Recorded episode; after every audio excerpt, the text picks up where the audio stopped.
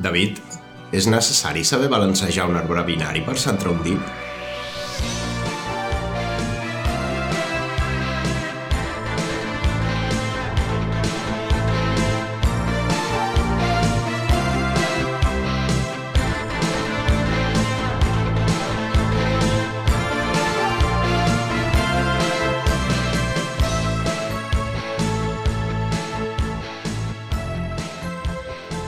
Sé, jo no ho he necessitat mai en la meva carrera, però sembla que continuem obsessionats en tenir processos d'entrevista per enginyers que estan força allunyats de, de les tasques reals que, que hauran, de, hauran de fer a les seves carreres.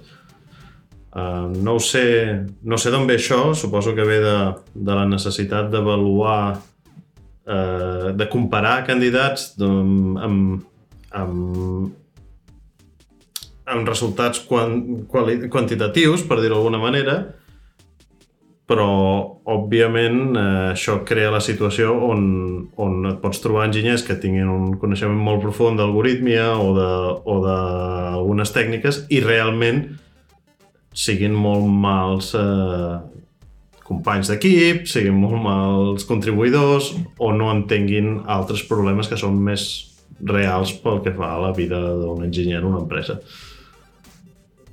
Creus que s'està deshumanitzant una mica el procés de, de selecció? S'està tenint en compte més el coneixement, més la, doncs això que dius, no? el, el, el ser molt bo amb, amb determinades tasques que no pas en ser molt bo com a, com a jugador d'equip?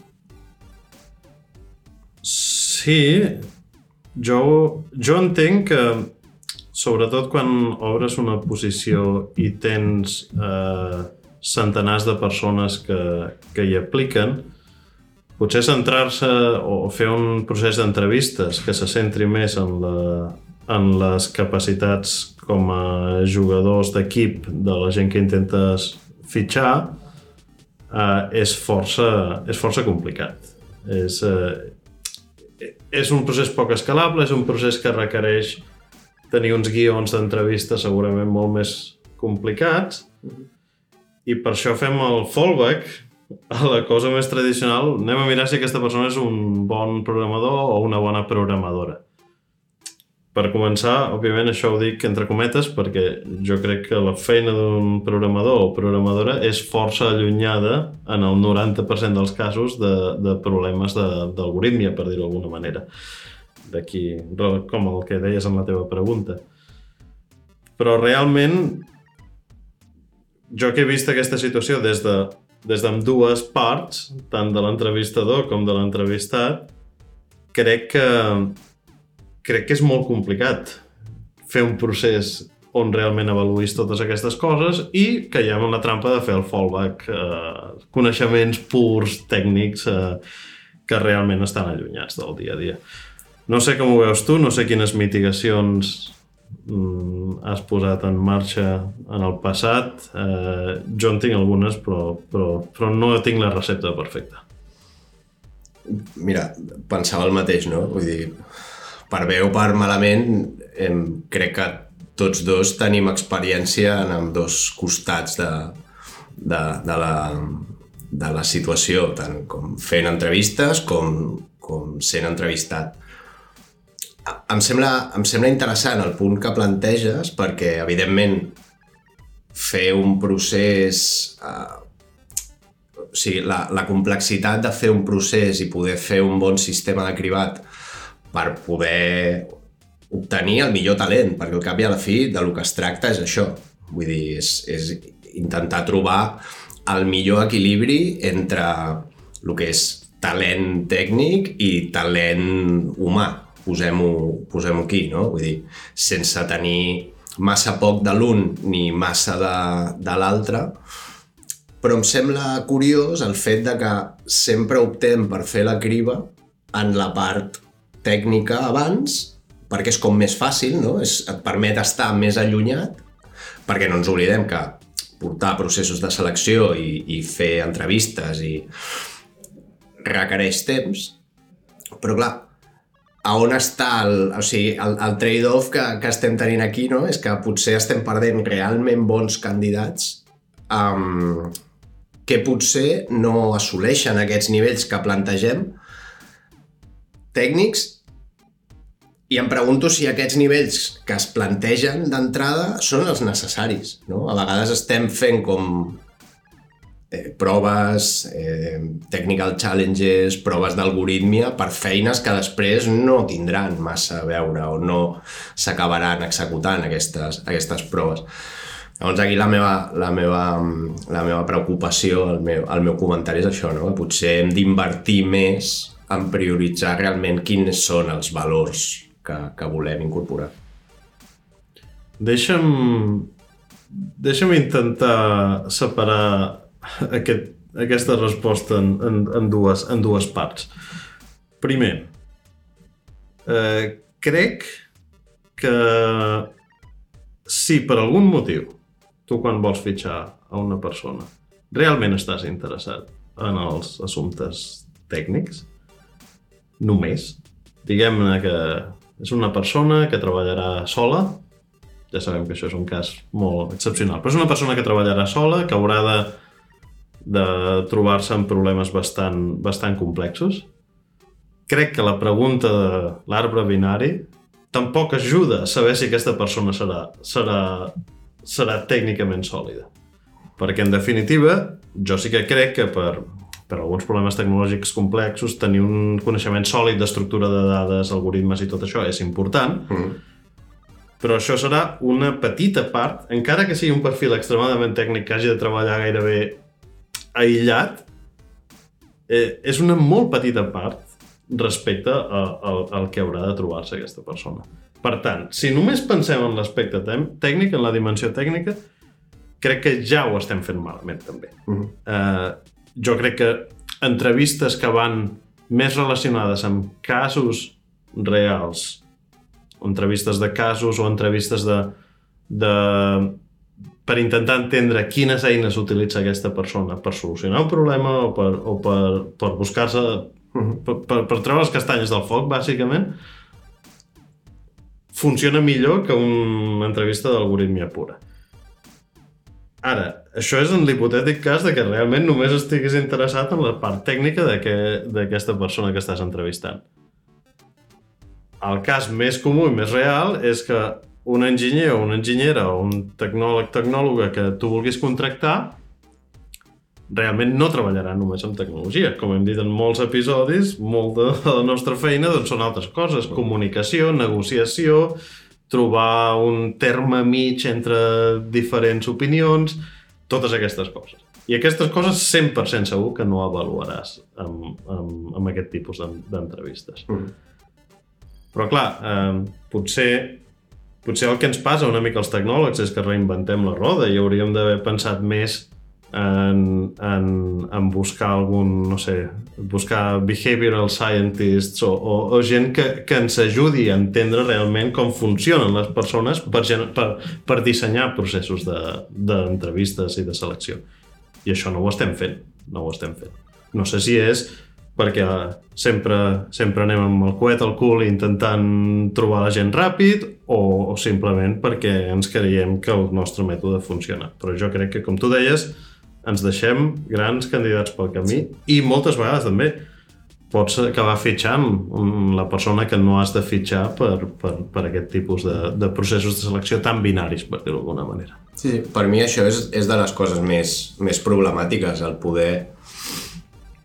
el que existeixi la possibilitat de que estiguis incorporant el candidat o la candidata no adequat per les teves necessitats, perquè això ja et planteja un problema a, a tu, com a entrevistador, com a futur eh, manager, com a futur company, mm, però aquesta persona que entra també, perquè és la nostra responsabilitat, i ara parlo des del cantó de, de l'entrevistador, és la nostra responsabilitat saber identificar bé quines són les nostres necessitats, setejar bé les expectatives. O sigui, amb, amb balancejar un arbre binari, això és com molt tòpic, no? Vull dir, vull dir què pots extreure d'aquesta persona? I més en el temps en el que corre ara. Eh? Envies una prova d'algorítmia i te la pot resoldre qualsevol Generative AI um, en 5 minuts. Uh -huh. O sigui, què pots guanyar amb això? Què et diu? Pues és una persona que, vale, sí, sap fer aquesta tasca. Però, i si li donem la volta, i si plantegem un problema i veiem quin és el seu mètode de pensament, com enraona, per mi això aporta molt més valor. O sigui, per mi això aporta moltíssim més valor i després inclús també crec que és molt positiu, ara ja parlo una miqueta de, de mitigacions, no? allò que em, que, em, que em deies abans. O sigui, per mi, jo valoro molt més poder posar un candidat en una sala, amb un parell de membres, i poder uh, obrir una discussió, poder obrir un intercanvi d'opinions i veure com s'accepten crítiques, quin serà el fit que aquesta persona tindrà dintre de l'equip amb el que haurà de treballar, permetre a la gent de l'equip avaluar des d'un punt de vista tècnic, evidentment, i sobretot des d'un punt de vista de col·laboració. Vull treballar amb aquesta persona? Vull dir, si li estic dient ara mateix que això, aquest, aquest plantejament que està, que està seguint no és el correcte, com s'ho pren? És fàcil eh, intercanviar opinions, arribar a un terme a un terme d'acord. Totes aquestes coses, evidentment, requereixen temps, requereixen esforç, però, ostres, realment crec que, que, és, que és una inversió molt bona, perquè trobar el candidat bo, que encaixa bé en un equip, et dona moltíssims, moltíssims més beneficis que no pas incloure algú que al cap de dos mesos comences a veure que, que hi ha unes espurnes perilloses. És molta feina després arreglar una situació capgirar una situació així. Correcte. Crec hi ha un, hi ha un perill, per exemple... Jo, jo, jo estic a favor no, de, de, de deixar la selecció en mans de l'equip o, de, o de fer la selecció tan propera eh, amb un mètode tan proper a la vida de l'equip, per dir-ho d'alguna manera, per en, en, intentar trobar o aconseguir aquest encaix.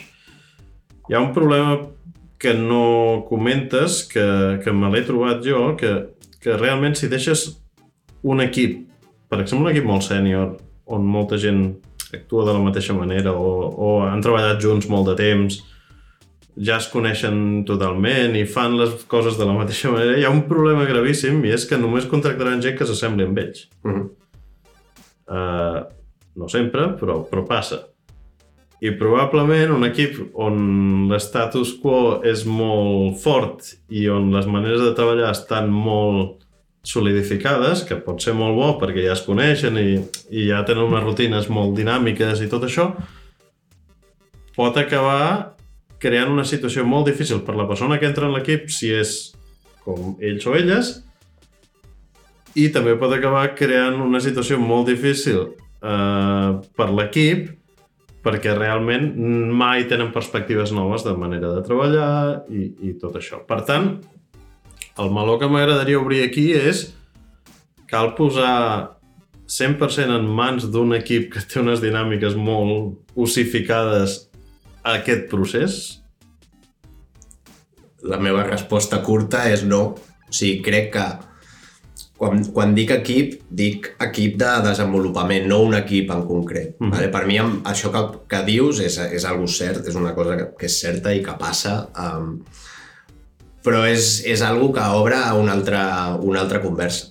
Vull dir, un equip així, un equip que es converteix en un equip tancat, un equip endogàmic, per dir-ho d'alguna manera, que està buscant algú per poder-lo moldejar la seva imatge i a, a mi això ja em planteja un altre problema. Ja és un altre tipus de, de, de situació potser a solucionar fora d'un procés de, de selecció. Saps? O sigui, crec que un equip, una de les coses que ha de, que ha de ser, i especialment incloent-hi el terme sènior, vale?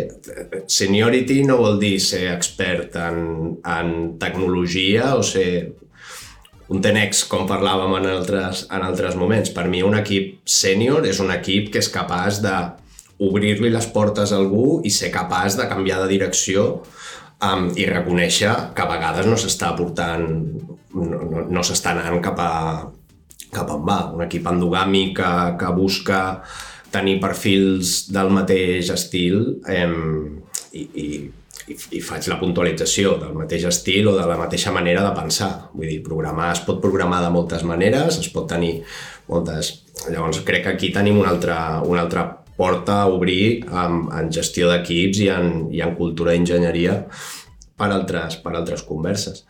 Però crec que és important, no?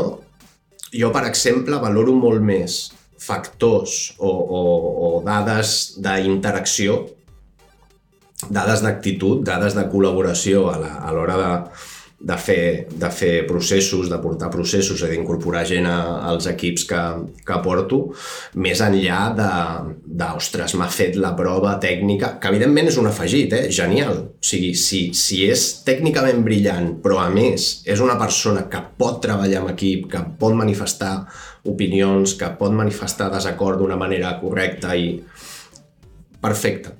Però crec que una cosa és molt més difícil de trobar, una actitud bona, una cultura d'enginyeria bona, ja sigui en juniors, eh, sèniors o, o, o nivells més alts, i, i penso que les aptituds tècniques o aprendre algoritmia és algo que amb esforç, però és més fàcil d'adquirir, és més fàcil de, de regular en el temps. Vale? També crec que hem de ser i crec que hem de millorar molt en setejar expectatives. Quantes vegades ens hem trobat tant amb, com a entrevistadors com a entrevistats en processos en, les, en els quals l'entrevista sembla que estaràs treballant amb tecnologia a punta i arribes a algun lloc i dius collons, quin Cristo hi aquí, eh? Uh -huh. Vull dir, entenc que es necessitin o que demanin habilitats tècniques elevades perquè el, el garbuix que hi ha aquí per arreglar és, és important.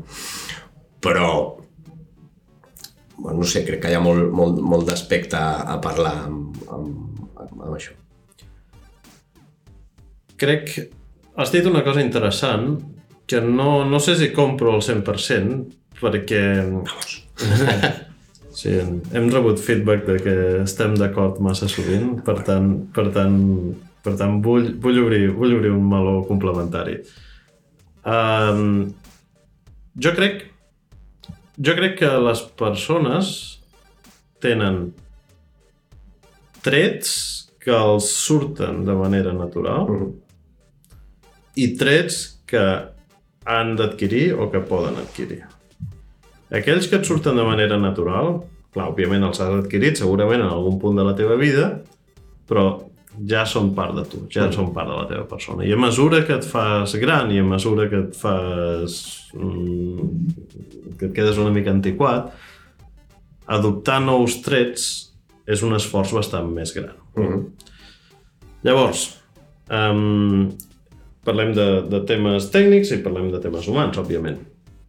Jo sí que crec que, per exemple, hi ha gent que a nivell tecnològic té unes habilitats que a mi o una altra persona no tan forta tecnològicament li costaria molt de temps adquirir. Sí. Això no vol dir que no es pugui aconseguir. Jo estic, jo estic d'acord en, en, en això que dius tu, de que, de que és important, és important tenir l'actitud correcta per adquirir noves, noves habilitats. Jo crec que una mica la, la, la missió que, que, que es té com a, com a líders tecnològics és crear un, un, un entorn on tothom sigui una mica conscient de les seves limitacions i de les seves forces, d'aquelles coses, coses que realment són, són un asset únic en una persona i crear un ambient on hi hagi la humilitat suficient per, perquè les persones que hi treballen puguin demanar ajuda en una cosa en la que van coixes. Uh -huh és molt difícil que una persona que és, no és molt forta tècnicament acabi, saber, acabi sabent tant d'algoritmia o d'estructures de dades com una persona que té un cervell molt, molt, mm -hmm. molt preparat per això, per dir-ho d'alguna manera. Però si aconsegueixes fitxar gent que té aquesta humilitat i l'actitud correcta, aquest gap no serà un problema. Exacte. Aquí està, aquí està una mica el tema. Si, som persones, hem, som diferents, cadascú té, té les seves preferències mm, i, i les, seves, les seves coses dolentes i bones. Però si no en podem parlar obertament d'això i si no tenim la humilitat correcta, això no funciona. Això no funciona. Per tant, bueno, m'he perdut una mica, però el, el, la, idea, la idea que volia introduir és està bé no saber-ho fer tot. Absolutament. Sap greu perquè crec que coincideixo. O sigui, no, no però ho, obrirem, obrirem a d'allò. O sigui, està bé no saber coses, però, però realment el que crec que és important, torno a dir el mateix, és satejar les expectatives. O sigui, quan, quan tu incorpores gent a, a, a equips, i inclús quan tu t'incorpores a un equip és molt important deixar clar què és el que esperes. O sigui, jo una de les preguntes que faig a, a candidats és què esperes de, de l'equip al que, al que, al que t'uniràs? Quines són les expectatives que tu tens com a candidat de nosaltres? Uh -huh. O sigui, què podem fer perquè la teva incorporació a l'equip sigui el més satisfactòria possible? Perquè això va directament relacionat amb, amb d'allò. I en moltes ocasions, en gran majoria de les respostes, el que em trobo és que puguem treballar junts bé, que hi hagi bon rotllo, evidentment, vale? però són coses com molt simples i com molt bàsiques, però que, que són, són la fundació d'una bona col·laboració en poques ocasions m'he trobat amb gent que em digui no, és que vull treballar amb el megacrack que sap de... Home, doncs sí, evidentment, sempre està molt bé treballar amb algú del qui puguis aprendre i que et plantegi reptes. Vale? És, és genial i, i crec que és necessari tenir aquestes aspiracions. Però el que vinc a dir, el que, el que, el que venia a dir abans és que crec que les actituds que, que, que t'identifiquen vale? són unes actituds que són molt clares, són, són una, una, la identitat de cadascú. I això és el que dius, o sigui, ve, ve assolit per part de l'experiència, a vegades també ve amb l'edat, també ve amb... I aquestes coses, aquests trets, són els que realment són difícils de canviar amb el temps. Vale? Adquirir coneixements, bueno, doncs, hi ha qui té més facilitat, hi ha qui té menys. I aquí també forma part del procés el poder identificar quina capacitat tindrà aquesta persona i si assolirà els mínims d'adaptabilitat que podem necessitar. Vale? Aquí és on crec que està la balança i el, el poder equilibrar. Vale? Centrar-te només en, vale, vull un super, una, una estrella un rockstar, que és un terme que amb, amb tot el meu cor ho diu. Sí. Vale? Vull dir, en el moment en què comencem a identificar a gent amb coses que no tenen res a veure amb, amb la feina que estem fent, ja estem caient en un error garrafa. Vale? Però l'altra part, l'altra part crec que és la que realment costarà molt més i si trobes aquest, aquests trets que s'alineen amb, la teva, amb les teves idees, és molt més fàcil que les coses rullin, vale? perquè amb, amb el paral·lelisme del, superenginyers, no? vull dir, quan no tens un equip equilibrat, Vale? Quan els estàndards de capacitat, quan els estàndards d'exigència estan molt desequilibrats dintre d'un equip, aquí és quan comencen a haver-hi friccions. És quan comencen a haver-hi frustracions. I torno al mateix d'abans, o sigui, capgirar aquestes situacions és molt difícil. Dius, has dit una paraula que m'agrada molt, adaptabilitat. Jo crec que això és bàsicament la cosa més important que cerco quan busco, quan busco candidats i candidates pel, pels meus equips algú, algú que sigui un cap quadrat o algú que no vulgui que no vulgui mai perdre una discussió tècnica. No, dic la paraula perdre, la diu, eh? però la, la dic perquè, perquè això és, així és com ho percep molta gent que són una mica més cap quadrats. Algú que no estigui disposat a perdre una discussió tècnica, algú que no estigui disposat a perdre eh, i haver de cedir i haver d'acceptar es provarà d'una altra manera o, o, o no en sé prou d'això, algú que no estigui disposat a això serà un problema. I això, amb la pregunta de l'arbre binari, mai ho sabràs. Mai. Probablement hi ha una correlació negativa, fins i tot, però, però jo crec que, que aquí, això és el que hem de pensar molt, molt seriosament. Com entrevistem? Quines preguntes? Què valorem? Uh -huh. I i sí que, òbviament, hem millorat molt si ho comparem amb com estàvem fa 20 anys, o fa 10 anys fins i tot, però no tenim una recepta, una recepta bàsica. Jo, jo per exemple, tinc, tinc molt bons records d'algunes persones que, hem contract, que vaig contractar fa, fa molts anys, gent que no tenia cap mena d'experiència laboral, però durant l'entrevista, amb unes quantes preguntes més a nivell cultural de comportament, vam poder veure, ostres, aquesta és una persona que vol aprendre moltíssim, que té unes ganes increïbles de, de menjar-se el món i que a més a més ho sap fer, ho podrà fer amb una modèstia eh, suficient com per qüestionar aquelles coses que, que sap o que, o, o que ha fet fins, a, fins avui. Gent sobre el paper molt júnior, sense experiència en, en empreses de la dimensió per la qual estàvem entrevistant, que han acabat esdevinguent crucials en el creixement d'aquesta empresa. I això, amb la pregunta de l'arbre binari, mai ho haguéssim sabut. Haguéssim sabut coses de profunditat tècnica, potser amb aquest tipus de preguntes, però, però, però fer, confrontant aquesta persona amb escenaris reals, és a dir, com et comportaràs, com et comportes quan hi ha un incident, o Tercera setmana seguida on això es trenca el mateix dia de la setmana. Què fem? Entendre una mica com es comporta aquesta persona en. Això, això òbviament, la, el paradigma de pregunta-resposta molt tradicional en el món de recursos humans, eh, d'entrevistes de, de recursos humans tradicional, això no, no, ho podrà, no, no ho podrà avaluar. Crec que crec que hem de fer una mica de proselitisme d'aquesta idea de que, de que hem de trobar altres eines d'avaluar això i que on tot no és blanc o negre, hi ha molts grisos entre, entre mig de les, de les respostes i has de saber trobar el fit adequat per, per cadascuna d'aquestes. Jo, jo una de les...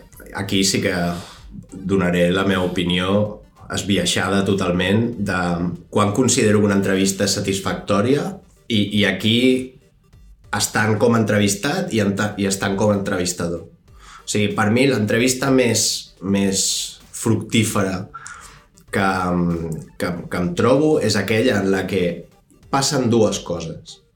El mode interrogatori no existeix, o sigui, és un diàleg en el qual vas enllaçant temes, evidentment en modo pregunta i vas traient temes, doncs així com podem fer tu i jo ara mateix que estem, que estem xagrant. I el segon factor és quan veus que s'ha acabat el temps i que t'agradaria, tant com a entrevistador com a entrevistat, tenir mitja hora més de conversa. Jo a vegades ho faig, eh?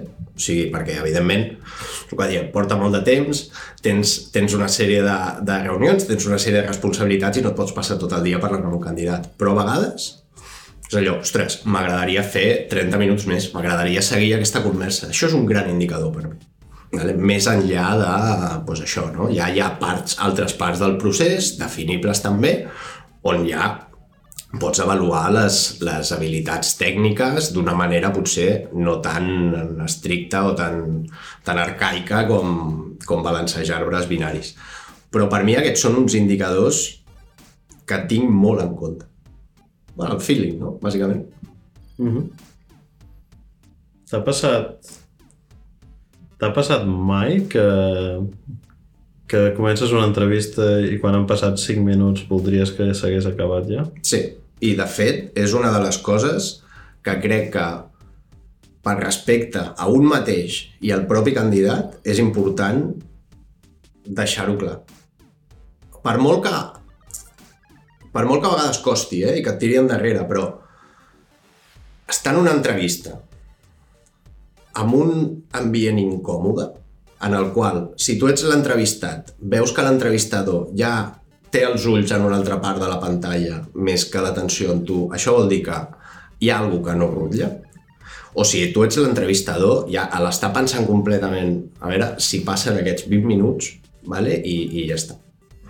Vull dir, jo crec que és important també poder donar el feedback i tenir la tranquil·litat de, escolta, mira, les expectatives són lleugerament diferents, creiem que, o crec que realment pel perfil i tal, i potser en aquest moment se t'obre una altra conversa, que pot anar bé, pot anar malament, no tothom té la mateixa, la, la mateixa d'allò, però crec que és important poder dir i poder ser suficientment honest amb un candidat dient-li que això ara mateix no està gullant.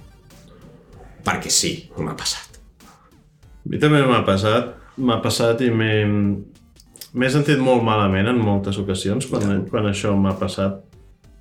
I també n'he après una mica, perquè moltes vegades, com a entrevistador, tens una responsabilitat. Ets la primera cara que sí. la, un, un candidat o una candidata veurà de la teva empresa i la responsabilitat teva com a entrevistador és estar preparat per aquesta entrevista i estar amb tot, el, amb tot el cap dintre l'entrevista. Recordo fa uns anys eh, estava en un equip de Site Reliability, teníem 5 enginyers o 6 enginyers i havíem multiplicat per 10 el número d'usuaris i el número de servidors en un any Llavors havíem de créixer molt ràpid perquè estàvem l'aigua al coll, però els requisits tècnics que demanàvem als candidats eren força elevats. Per tant, trobar gent que passés les entrevistes era molt difícil. I estàvem tot l'equip i ens ajudaven gent d'altres equips entrevistant. I va haver un estiu on vam entrevistar moltíssima gent perquè volíem que entressin, no sé, 5 o 6 persones més a l'equip. De cada 50 entrevistes entrava una persona. I aquell estiu el meu equip i jo vam fer unes 250 entrevistes en els 3 mesos d'estiu. Vinga. I moltes vegades feia una entrevista després d'haver-ne fet dues més al mateix dia. I, I honestament, em fa sentir molt malament pensar que el meu cansament mental, perquè fer una entrevista és una cosa... Personalment no em surt així de natural. Uh mhm. -huh. No és un tret... No és una de les meves coses fortes, el meu cansament mental, després d'haver-ne fet dues, feia que la tercera, jo, forçosament, seria més injust amb el candidat o la candidata. I això, una cosa que m'ha fet sentir molt malament. Llavors ho vaig intentar arreglar, en el futur vaig decidir que mai faria més de 6 o 7 entrevistes a la setmana. I crec que és... I, i tot i així encara crec que són moltes. Són moltes, Depèn però... de la responsabilitat que tinguis. Són moltes, però però el que, està, el que estic segur és que fer-ne 20 a la setmana, sí, sí, home. això, això estàs sent injust amb algú. Amb a partir algú. de la 10 ja crec que no tens uh, criteri per, per poder dir o avaluar justament, o sigui, ja el que tens ganes és de que passi el procés. I, i saps una cosa interessant que em passava també, que, que encara em feia sentir pitjor? I és que a, si a la segona entrevista del dia estava comparant les, les respostes o els trets de, de, de, dels candidats que entrevistava amb, amb la persona que havia fet la primera entrevista. I moltes vegades pensava, si aquestes dues entrevistes les hagués fet en, en l'ordre invers, la persona número 2 hagués tingut un tracte, no millor, però me, més, eh, menys esbiaixat. Uh -huh. Per tant, el meu consell, el meu truc és limitar molt al màxim i, i estar amb tots els sentits. O sigui, has d'estar, has de parar-hi tots els sentits. Si tens alguna preocupació al cap, seràs injust amb algú. Bé, tot això ho explicava perquè, perquè també, a banda de què es pregunta, com es pregunta, és extremadament sí, sí. important. I, i, I crec, ara estic una mica animat, però m'agradaria que parléssim més dels continguts d'aquestes entrevistes en un futur episodi, probablement, de, de com encarar... Podríem simular una entrevista o alguna cosa així? Com encarar, com encarar uh, això des del punt de vista d'entrevistat a entrevistador? Una cosa així. m'agrada, m'agrada, t'entrevistaré. Vale, o, o jo. no, però mm, és, crec que és un problema...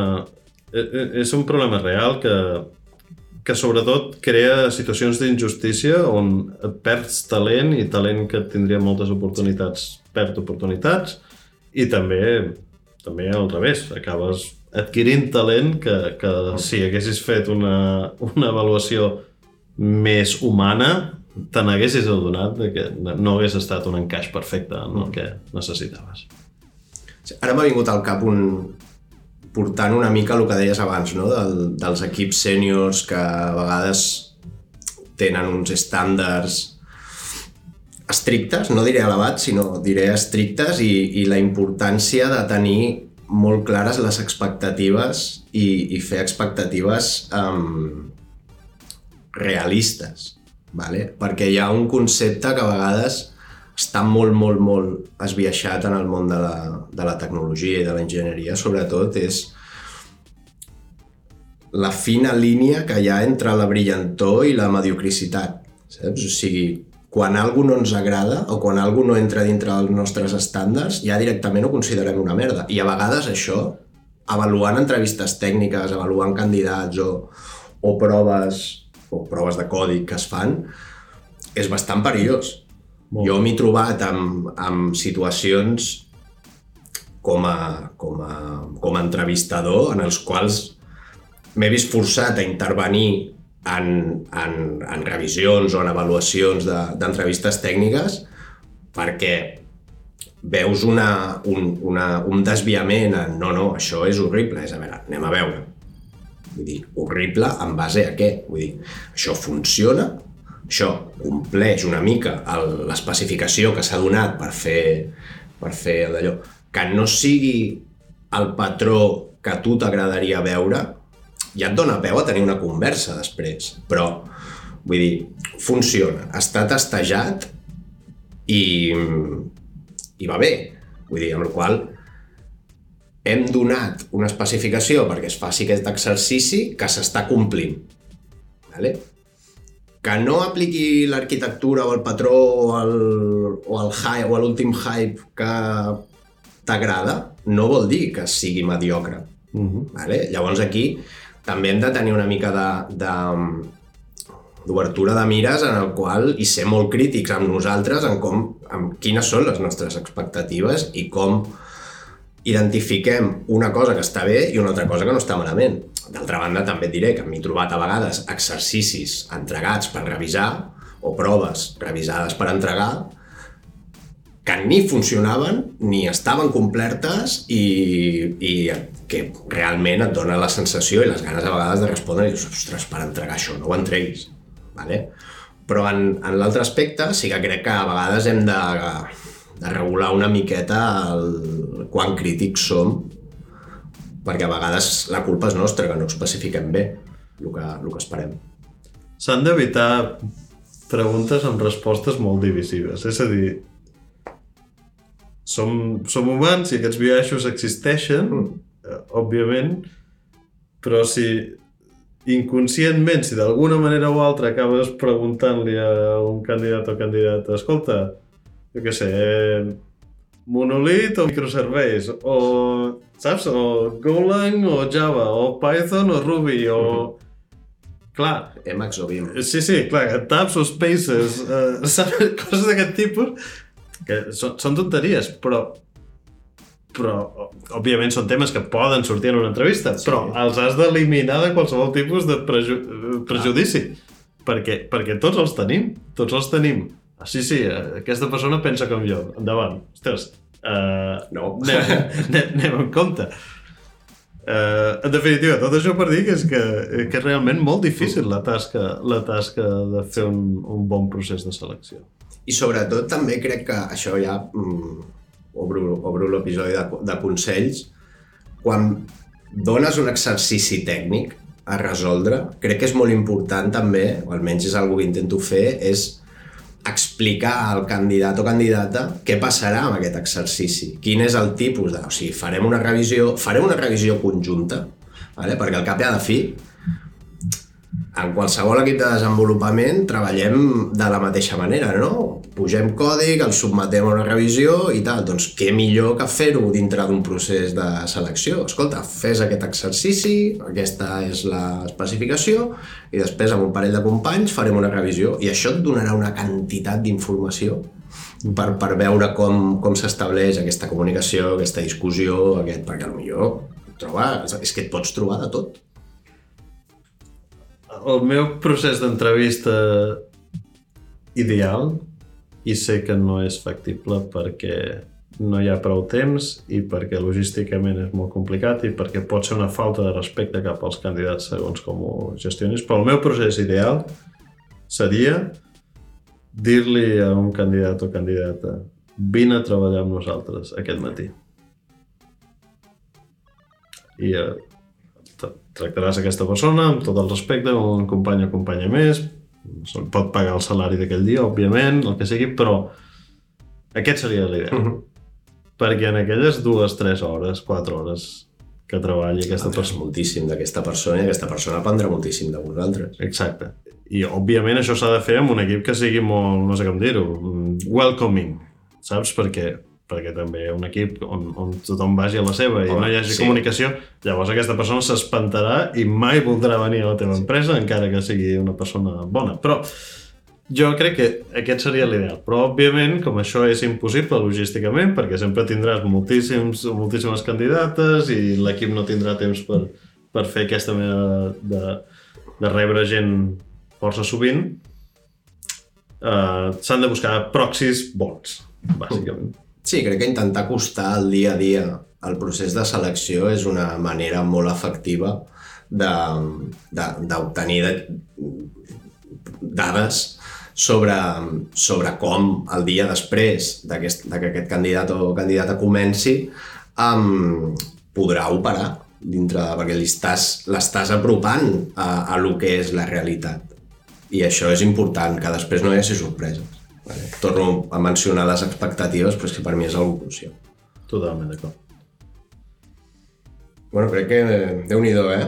Hem, hem discutit una miqueta, el, el, en següents episodis ja buscarem una miqueta més de polèmica. Potser hem de canviar la fórmula, però... Sí, eh, m'a- m'agradaria m'agradaria continuar parlant en algun moment d'entrevistes eh, a banda de poder podríem intentar una simulació o alguna cosa així per, per veure com funciona però però m'agradaria donar exemples més tangibles de contingut, preguntes que han funcionat, preguntes que no han funcionat, preguntes que funcionen però si les interpretes, si les respostes les interpretes d'una certa manera. I, i sobretot també m'agradaria una mica doncs, que, que la gent de l'audiència pugui donar-nos la seva opinió i, i, i expliqui doncs, coses, experiències tant des del punt de vista candidat-candidata com des d'entrevistador-entrevistadora que, que ajudin doncs, a, doncs, a parlar d'aquest tema tan, tan important que en definitiva és, és, el que, és el que ajuda a tenir una entrada fantàstica en una nova experiència professional. Potser és un bon, potser és un bon ús del canal de Telegram de 2048 enllà, Sí, tenim... perquè la gent manifesti o posi les d'allà les seves experiències també. Sí, tenim, tenim un canal de Telegram on anunciem, on anunciem nous episodis a, a 2048 enllà.cat barra Telegram uh, i també paral·lel amb això hi ha un canal de discussió on la gent pot, pot, pot parlar-hi. Uh, subscriviu-vos. Molt bé, Gràcies, David. Ens veiem la propera. fins aviat.